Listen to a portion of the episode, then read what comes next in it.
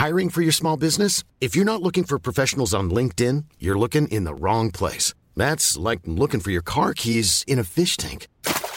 LinkedIn helps you hire professionals you can't find anywhere else, even those who aren't actively searching for a new job but might be open to the perfect role. In a given month, over 70% of LinkedIn users don't even visit other leading job sites. So start looking in the right place. With LinkedIn, you can hire professionals like a professional. Post your free job on linkedin.com slash people today. Everyone knows therapy is great for solving problems, but getting therapy has its own problems too, like finding the right therapist, fitting into their schedule, and of course, the cost. Well, BetterHelp can solve those problems. It's totally online and built around your schedule. It's surprisingly affordable too. Connect with a credentialed therapist by phone, video, or online chat, all from the comfort of your home. Visit betterhelp.com to learn more and save 10% on your first month. That's BetterHelp, H E L P. Hey, it's Paige DeSorbo from Giggly Squad. High quality fashion without the price tag? Say hello to Quince. I'm snagging high end essentials like cozy cashmere sweaters, sleek leather jackets, fine jewelry, and so much more. With Quince being 50 to 80% less than similar brands. And they partner with factories that prioritize safe, ethical, and responsible manufacturing. I love that. Luxury quality within reach. Go to quince.com slash style to get free shipping and 365 day returns on your next order. Quince.com slash style. Välkomna tillbaka till podden Utan dig med mig Emelie. Mig, Alexandra.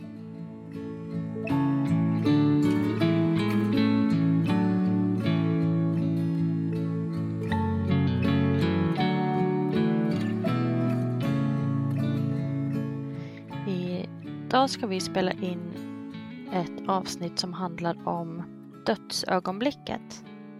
Och det ämnet blev ju lite framröstat av våra följare på Instagram. Mm. Så det känns jättekul att vi har många följare där som engagerar sig. Eh, Men sen har ju vi tidigare också pratat om att ett sånt här avsnitt skulle nog vara bra att ha. För vi själva ville ju lyssna på det när vi visste att, att det skulle komma. Liksom.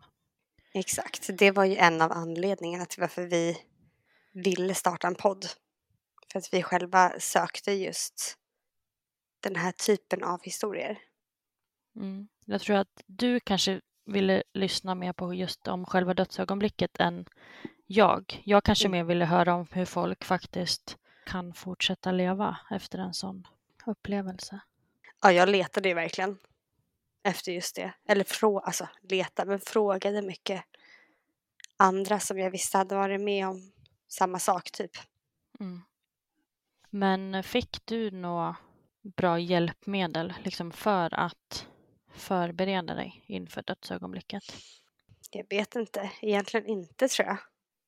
Den enda infon som jag egentligen fick var ju att det kunde antingen ta längre tid, eh, att hon skulle bli sämre och sämre liksom över tid.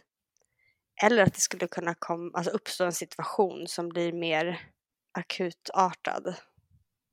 Och då typ dör hon på plats.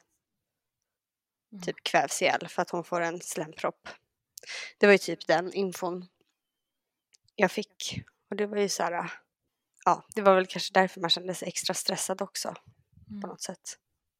Jag tänker att ja, men vi båda var ju på Lilla Ö, men vi har ju fortfarande två olika upplevelser ändå. Men jag tyckte det var väldigt skönt att liksom få tips och råd som jag fick därifrån. Att liksom eh, fundera ut eller liksom ta reda på vad som händer typ med kroppen när man dör. Eh, för jag fick ju då information ifrån dem där att till exempel det kan komma ut vätskor från kroppen på olika ställen. Vi hade ju också en slags förmån, om man nu kan kalla det det, men att vi visste ju att det här skulle hända, så vi kunde ju förbereda vissa saker. Mm. Typ som att beställa kista, det var ju bland det värsta jag har gjort, men det var ändå jätteskönt för mig, för då visste jag att då behövde inte tur åka till bårhuset. Mm. Så det blev liksom en lugnande grej och ja, men förberedande inför dödsögonblicket, tycker jag. För ni hade beställt den innan också va? Mm. Var den på Lilla E? Nej, den var på begravningsbyrån. Ja okej. Vi hade ju också beställt den innan. Och den var ju liksom på Lilla E. Samtidigt som vi var där. Alltså det är så himla sjukt. När man tänker Mm. efter. Då visste, då visste jag ju. Den var ju liksom där, alltså i ett rum där. Mm. Bredvid, ty- alltså inte bredvid där vi var, men ändå i närheten av Mm. vart vi var. Ja, det var ju såklart jättehemskt att beställa den där kistan. Var det du som Ja. gjorde det? Nej, det var alltså Susanne, kuratorn, Mm. som också varit med i vår podd. Eh, det var hon som beställde den Mm. åt oss. Jag, sa, jag fick ju välja liksom typ färg. Hon bara, det finns lite olika färger. Typ Mm. så. Mm. Och det var ju den lilla kistan liksom. Mm. Den var ju liten. Var det du som beställde er? Mm. Ture satt i mitt knä när jag pratade med dem i telefonen. Mm. Mm. Ja, det var galet. Ja, men ändå liksom att jag tänkte väl mycket på så här innan. Att vad han skulle ha, kanske ha för kläder på sig. Om det var något speciellt man ville. Men sen går det ju ändå inte såklart att förbereda sig helt ändå. Mm. Men jag tänker att båda vi visste ju att våra barn skulle dö. Det är ju Mm. jättestor skillnad för dem som är med om en olycka eller någonting sånt. Ja. Där döden inträffar så plötsligt. Mm. Jag eh, gick ut och shoppade. Alltså handlade de kläderna hon skulle ha på sig. Efter att de dog. Eh, Nej, medan hon levde. Så åkte jag och handlade de plaggen. Gick där på typ Kappahl och eh, köpte kläder till min dotter som hon skulle ha på sig i kistan. Hon hade dem bara då. Hon hade Mm. dem inte innan. Nej. Men ska vi backa bandet lite grann och prata lite om Ture och Sallys dödsögonblick. Vi har ju gjort det i deras poddavsnitt också, men kanske inte jättenämnvärt om själva dödsögonblicket. Hur, vad har du liksom för tankar nu i efterhand? Liksom? Hur upplevde du dödsögonblicket? Mm. Jag ville ju inte vara närvarande egentligen. Och jag var ju typ inte riktigt det. Jag höll ju inte i henne när hon tog sitt sista andetag. Jag var ju där hela tiden. Och sen så vaknade Nikolas. Han var ju precis två år då. Så vaknade han där mitt på natten. Så jag gick in och nattade om honom. Och så var det precis när han hade somnat om. Så kom mamma in och sa att nu tror jag att Sally har dött. För det var hon som hade henne i famnen. Och det var en så himla befrielse på något sätt. En befrielse över att hon inte behövde lida något mer. Befrielse över att hon, eller alltså att hela den här situationen på något sätt med att inte bo hemma och allt det där, att det var förbi. Och en befrielse över att det inte blev det här äh, ögonblicket av stress och att hon typ kvävdes till döds liksom i en akut situation på något sätt. Utan att det var väldigt lugnt och stilla. Så det var väldigt skönt. Och sen så efter att hon hade dött så äh, ja, ringde vi på klockan. Så kom personal. Eh, och då, som jag också nämnde tror jag i, i poddavsnittet, så jag hade önskat liksom vilken personal jag ville skulle jobba med oss. Ah, det var ju oftast två olika team kan man säga, varje pass. Så då fick jag välja vilket team jag ville skulle ha hand om oss då. För att vi visste ju att Sally skulle dö inom, alltså, inom en två veckors period ungefär. Så att de dagarna fick jag välja. Vilka som ja, jag hade närmast relation med, som vi kände oss tryggast med och sådär. Och just den här natten när Sally dog så var det ju en kvinna som, hon jobbade aldrig natt. Men Hon hade av en slump jobb, ja, bytt och jobbade natt den här natten. Och det var faktiskt hennes exman som tog emot Sally när Sally föddes. Han hade jour den natten. Och nu var det då hans exfru som jobbade natt nu när Sally dog. Så det var väldigt så här fint och något här koppling på något sätt.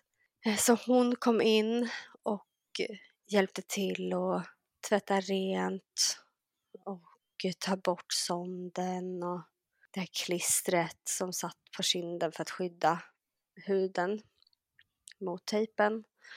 Och liksom ja, men tvätta i ordning och satte på en ny blöja och hjälpte till med hennes kläder och sådär. För att jag hade, eller jag ville liksom inte göra det. Sally var så, så, så smal. Så urmärglad att det typ bara var skinn och ben. Så att jag tyckte att det var lite obehagligt att se på hennes kropp liksom, hur hon såg ut. Så att då fick jag hjälp med det och det var jättefint. Och sen så virade vi in henne i en filt som vi hade där. Och sen så satt vi med henne bara i några timmar. Ringde släkten och sådär och sen så la vi ner henne i, hon hade en vagn som vi alltid hade när vi var där på Lilla Så vi bäddade ner henne i den och så. Och sen så fick folk komma dit och säga hej då till henne och så. Och jag minns att jag innan jag gick ut ur rummet den gången så bestämde jag mig för att det här är sista gången jag tittar på henne. Alltså på hennes ansikte för att hennes kropp hade ju redan börjat förändras väldigt, väldigt mycket och hon var väldigt smal och sådär. Men hon kunde inte heller stänga ögonen. Vi kunde inte stänga hennes ögon. Och då så eh, kände jag bara att jag vill inte liksom titta in i de här typ mattgråa ögonen något mer. Och hon hade väldigt stora ögon för hon var så insjunken så att ja, då bestämde jag mig för att jag inte skulle titta på henne liksom något mer i ansiktet efter att jag gick ut ur rummet när hon låg i vagnen. Och sen så bäddade vi ner henne i kistan och sådär. Eh, och det kan vi prata om sen. Eh, men ja, det kommer jag ihåg liksom att jag så bestämde mig för att nu kommer jag inte titta på henne något mer. Mm. Ja, så konstig känsla allt det där.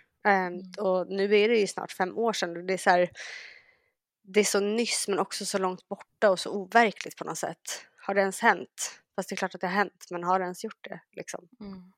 Kommer du ihåg om du tyckte att hon liksom blev väldigt kall eller stel? Alltså tyckte du att det var läskigt ur den aspekten? Jag eh, satt ju väldigt stilla med henne. Så att jag försökte inte ens att liksom röra på hennes kropp och så. Hon var ju väldigt stel redan innan och så. Så jag, eh, jag minns faktiskt inte. Jag tror inte jag vågade ens känna efter för att jag inte ville uppleva det. Mm. Eh, och så hade hon ju den här tjocka filten, det var typ en tjock fleecefilt. Så den var ju liksom mellan henne och mig på något sätt. Mm. Så hon blev ju inte kall, alltså jag kunde, eller hon blev ju säkert men jag kände inte det. Mm. Skrutt. Mm. Hur var det för er? Ja, men vi förstod nog inte riktigt att dödsögonblicket var så nära som det faktiskt var. Men Ture hade ju blivit jättedålig hemma en natt och börjat kräkts blod. Och nu kom jag på också att jag tyckte ju också att han hade ju liksom typ börjat lukta lite annorlunda, typ på kvällen. Jag vet inte, jag tyckte det var någonting med hans andedräkt, typ. Så på morgonen bestämde ju vi att vi skulle åka till Lilla E och vi förstod ju liksom att nu kommer vi ju inte komma hem igen och ha han med oss. Så bara det var ju så här jättejobbigt såklart, liksom att vad ska man liksom ta med sig en sista gång och ja. Sen så höll vi på att dona och greja lite där hemma och packa och ja, men tur hade ju kräkts blod så vi duschade av honom och lite så. Men sen så låg han i sängen och jag bestämde bara så här, men jag går och sätter mig i soffan typ där vi alltid brukar sitta. Och bara satt där och typ myste en sista gång. Och inte alls långt efter liksom att vi hade satt oss där, då var det ju som att han tog en djup suck. Jag vet inte om jag förstod direkt eller inte, men jag blev liksom inte panikslagen eller något sånt, utan jag ropade väl lugnt liksom till Ante liksom att nu tror jag att, att han har tagit sitt sista andetag typ. Men sen ringde jag ju till Lilla E, för vi skulle ju åka dit. Eh, vi ringde inte till dem direkt utan vi satt typ och ja, pussade på honom och ja, men typ gosade med honom i soffan. Turades om att typ hålla i honom och ja, men var ju såklart jätteledsna. Men då började jag få lite sådär typ ångest, typ så var det mitt fel för att jag lyfte upp han? Alltså var det typ därför han dog? Men eh, då kommer jag ihåg också att de på Lilla jag bara fast liksom så var det inte, så kan du inte tänka. Liksom sluta tänka det direkt för annars kommer det bli jättejobbigt. Och det förstår jag ju att det inte var, men den tanken uppstod ändå. Men, nej, men sen blev det ju liksom så konstigt för oss för att vi var ju hemma och vi trodde ju typ att han skulle dö när vi var på Lilla E, så allting blev lite så här konstigt. Men det blev inte liksom något panikartat eller något sånt och det var jätteskönt. Men då frågade ju de om vi ville komma dit i alla fall eller om någon läkare skulle komma hem till oss för att liksom undersöka och dödsförklara och sådär. Men då bestämde vi att vi skulle göra precis som planerat, att vi, men vi tog våran bil och vi åkte dit. De frågade typ om en ambulans skulle komma, men vi bestämde att vi kör själv. Precis som vanligt, liksom att Ture satte mitt knä för att han kunde ju typ inte sitta i bilstol för att han var så förslappad i kroppen. Och då i bilen vet jag att då rann det från hans näsa tror jag. Och det var liksom, ja men, det var ju lite läskigt fast ändå, ändå skönt att jag hade ju fått den infon att det kunde hända sådana saker liksom. Men annars tyckte inte jag att det var något typ läskigt alls. Fast jag tyckte att han blev ganska kall och stel fort och jag tyckte typ att han nästan fick ja, men typ grått hår, eller hela han blev väl liksom lite så här grå jättefort. Men inte så att han blev superstel jättefort. Men jag kommer liksom ihåg att, men jag har någon bild hemifrån också i soffan där, att jag tycker liksom att han ser grå ut redan då typ.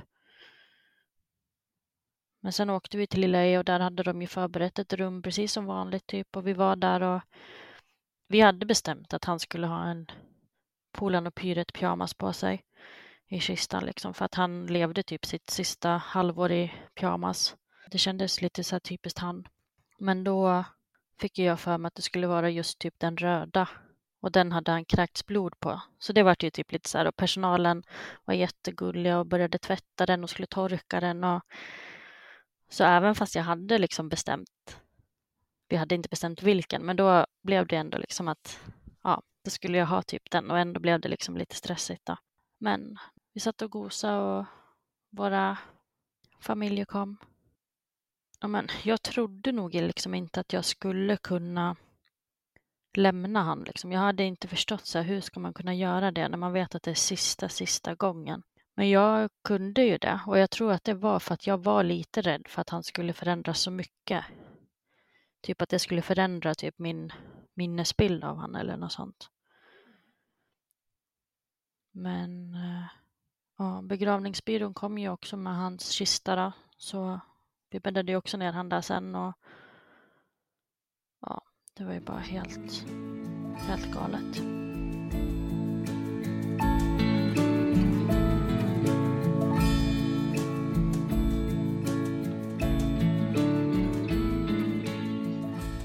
På Lilla E så finns det ju så här ett litet andaktsrum.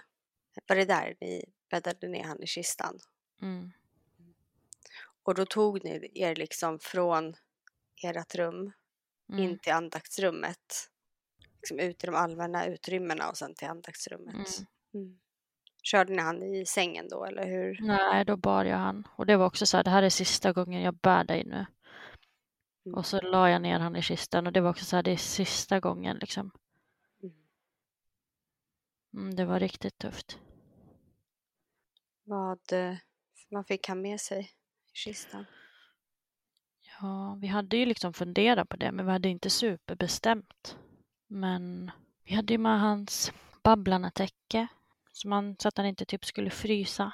Och hans kudde, hans ja, men så här fårskinnsfäll som man fick i doppresent av mormor och morfar. Eh, la vi underst i kistan och men sen hade vi skrivit brev. Eller jag skrev brev då när vi var på Lilla E och så moster skrev också brev när hon kom till Lilla E som vi la i eh, ja, men hans apa. Sen var det liksom någon så här eh, speciell pekbok som jag ville ha med som jag alltid så här eh, läste för han och som men, tränar mycket på att ha upp nacken och sånt. Det blev liksom en, lite av en grej med den där boken men det vet jag att den fick vi inte lägga i var det någon som sa då sen för det var batteri i den. Mm. Ja, men ville liksom i lite saker som var hans, Han hade sin röda Polarn och Pyret pyjamas. Hamburgertofflor lika som pappa har. Och sen så ja, men var ju jag och Ante kvar där sista i rummet och det var ju liksom absolut ingen stress eller så utan vi fick ju ta den tiden vi ville och så. Men så vi la, stängde kistlocket och så gjorde vi våra handavtryck med, ja, med typ fingerfärg och så. Så att han alltid skulle ha våra händer nära sig. Men eh, sen ska man ju skruva igen de där jävla kistlocken också. Och det klarade vi inte av. Det, var liksom, det kändes som att det var typ för hemskt på något sätt. Vet inte varför det skulle vara just en grej, men det var en grej för oss. Så det, det pallade vi inte vid.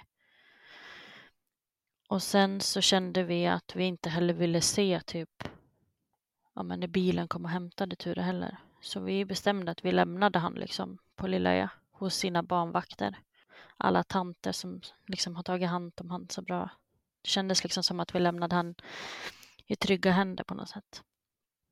Och sen åkte han därifrån till krematoriet. Ja, precis. Där Sally väntar på han.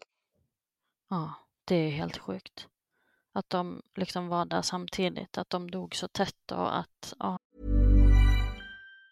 Even on a budget, quality is non-negotiable. That's why Quince is the place to score high-end essentials at 50 to 80% less than similar brands. Get your hands on buttery soft cashmere sweaters from just 60 bucks, Italian leather jackets, and so much more. And the best part about Quince, they exclusively partner with factories committed to safe, ethical, and responsible manufacturing. Elevate your style without the elevated price tag with Quince. Go to quince.com slash upgrade for free shipping and 365-day returns. Everyone knows therapy is great for solving problems, but getting therapy has its own problems too, like finding the right therapist, fitting into their schedule, and of course, the cost. Well, BetterHelp can solve those problems.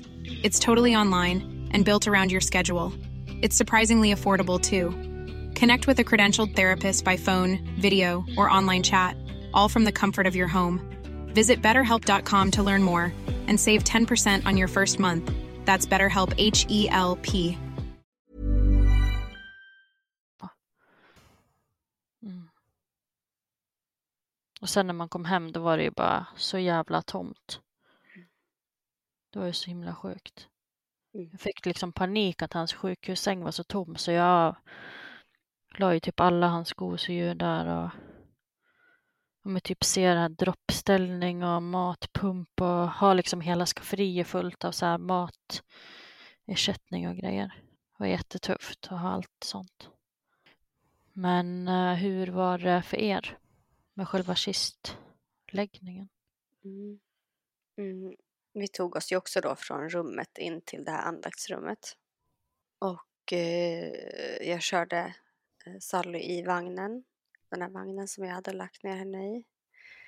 Och sen så hade vi också fixat lite i den där kistan med några lakan och någon, jag vet inte om hon hade en till filt, jag minns inte riktigt, men hennes filt var väldigt så fluffig. Så att, ja, den vet jag i alla fall att hon hade. Um, man fick ju med lite grejer i kistan. Det ligger ju som någon madrass och någon liten Mm. kudde och någon liten duk var det där i också. Och den duken bestämde jag mig för att den skulle jag behålla. Mm. Så jag fick liksom en bit av kistan med mig. Den, jag har ju den här hemma liksom. Och sen så hade hon ju på sig sina de här kläderna. Som jag hade köpt. En stickad klänning och strumpbyxor.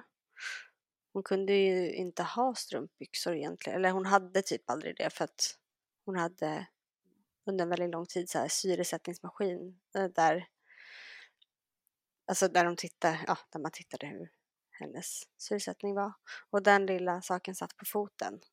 Så hon hade inte strumpbyxor, men nu kunde hon ha det. Så nu fick hon ha det. Och sen fick hon med sig sin kanin som hon alltid hade.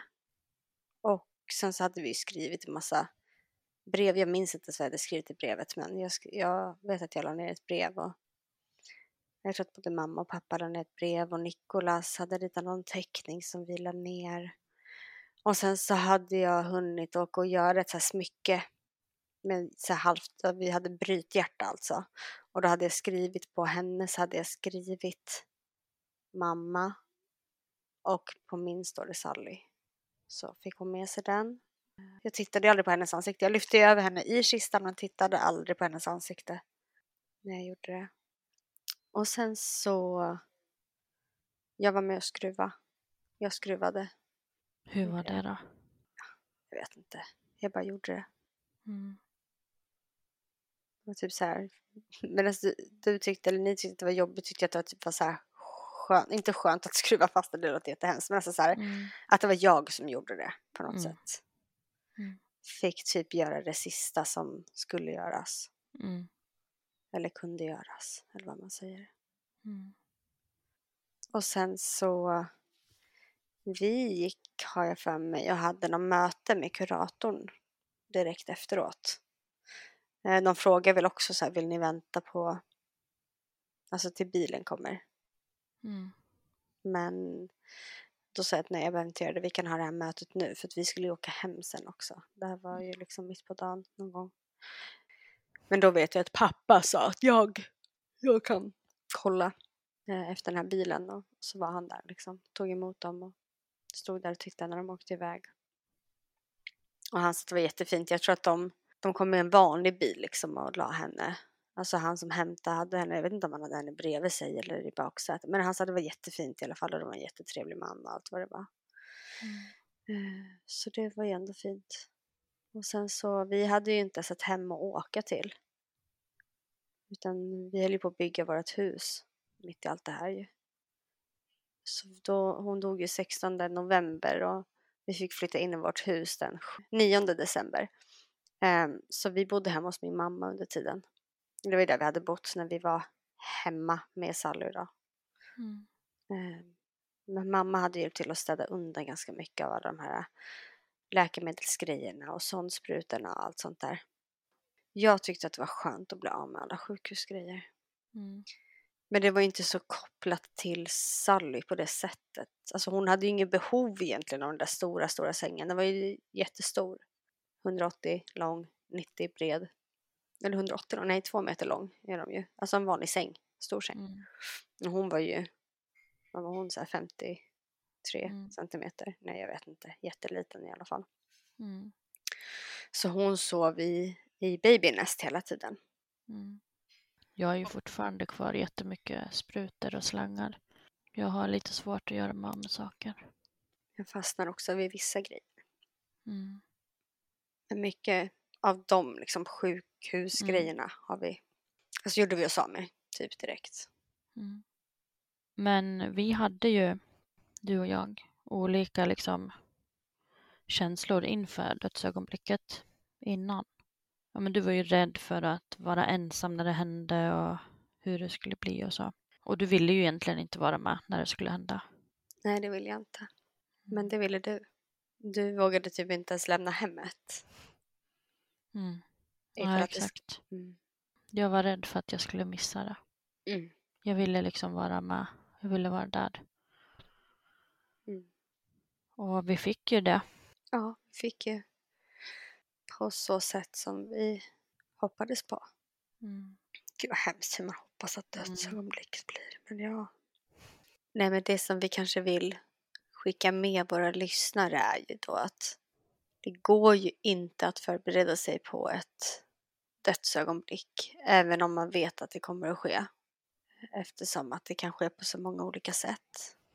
Jag tänker ändå att liksom, det kan vara bra att om man vet att ett dödsögonblick kommer att hända så kan man ju ändå så här, reda på vissa grejer.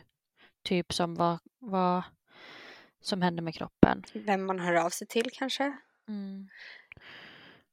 Och eh, ja, men det som jag ändå tyckte var skönt på något sätt var ju att man, hade, man kunde börja tänka lite mer framåt. Alltså så här, vad blir nästa steg? När hon har dött, vad ska jag göra? Mm. Att man inte står där i en chock mitt i allt. För det hann ju vi då förbereda oss på. Sen blir det ju såklart en chock ändå men den kanske inte är riktigt lika stor. Ja, nej precis. Ja, det blir ju alltid en chock för det är ju så här. Det blir ju så definitivt på något sätt, Mm. men mer ja, en chock att Mm. Eller i det här liksom för, förvirrade på det sättet. Det är Mm. min, bara min känsla. Alla har ju olika liksom. Men Ja, och sen tycker jag också liksom att dödsögonblicket för mig var ju inte det värsta. nej. Och det tycker jag också är skönt att liksom förmedla på något sätt för att Ja, det värsta var ju att det värsta var ju när man fick veta att ens barn inte skulle leva ett fullständigt liv. Mm. Och sen tror jag, liksom som för oss, när vi hade sett liksom hur pass dåligt Ture mådde, då blev ju döden ett slags befrielse på ett sätt. Och det tycker jag också är bra att förmedla. Att det ska ju liksom inte vara skamfyllt att säga det heller. För att så är det. Man vill inte se sitt barn lida på det sättet. Nej, det vill man verkligen inte. Men hoppas att, att folk har fått kanske med sig någonting. Och om det är så att folk har frågor eller vill att vi ska prata mer om det på något sätt så gör vi ju såklart jättegärna det. Ja. Och om man kanske själv skulle vilja berätta något. Alltså om någon av er lyssnare vill berätta någonting så lyssnar vi gärna eller läser gärna eller liksom på något sätt. Mm, Vi finns här. absolut. Ja, men då tackar vi för idag. Det gör vi. Och glöm Tack. inte att Äga eran sorg.